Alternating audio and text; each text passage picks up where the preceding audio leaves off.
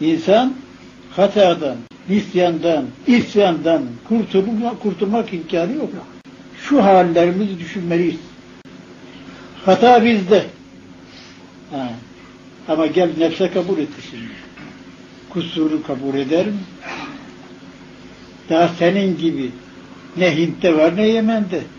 İşte buraya nasılsa rahmet ilahi seni bir zembinden indirmiş.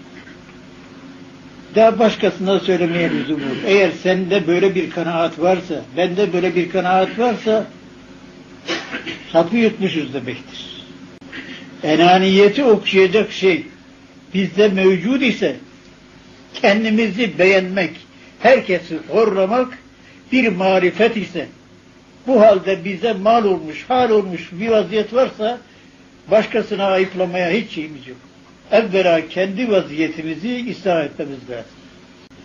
Ama bize o mübarek üstad ene zamanı değil nehnü zamanıdır, şimdi cemaat zamanıdır, inziva zamanı değildir desin dursun. O gitti aramızdan.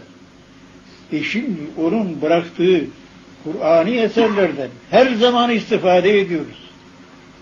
Hangi gün, hangi eserden istifade etmedik, insaf ile söyleyelim. Hangisi bize fayda vermiyor? Manevi hayatımıza, huzurumuza hizmet eden bir yer, hizmet etmeyen bir ciheti var mı? Zararlı bir yer gördük mü? Ey müdekkik, mütefekkir zevat!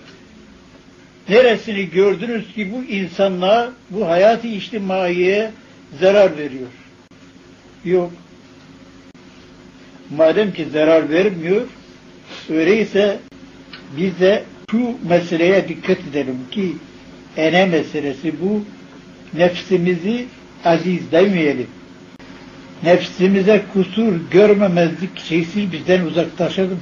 Kusuru görelim. O zat kendisine daima kusur görmüş ve daima nefsini itham etmiş. Biz nasıl etmeyelim?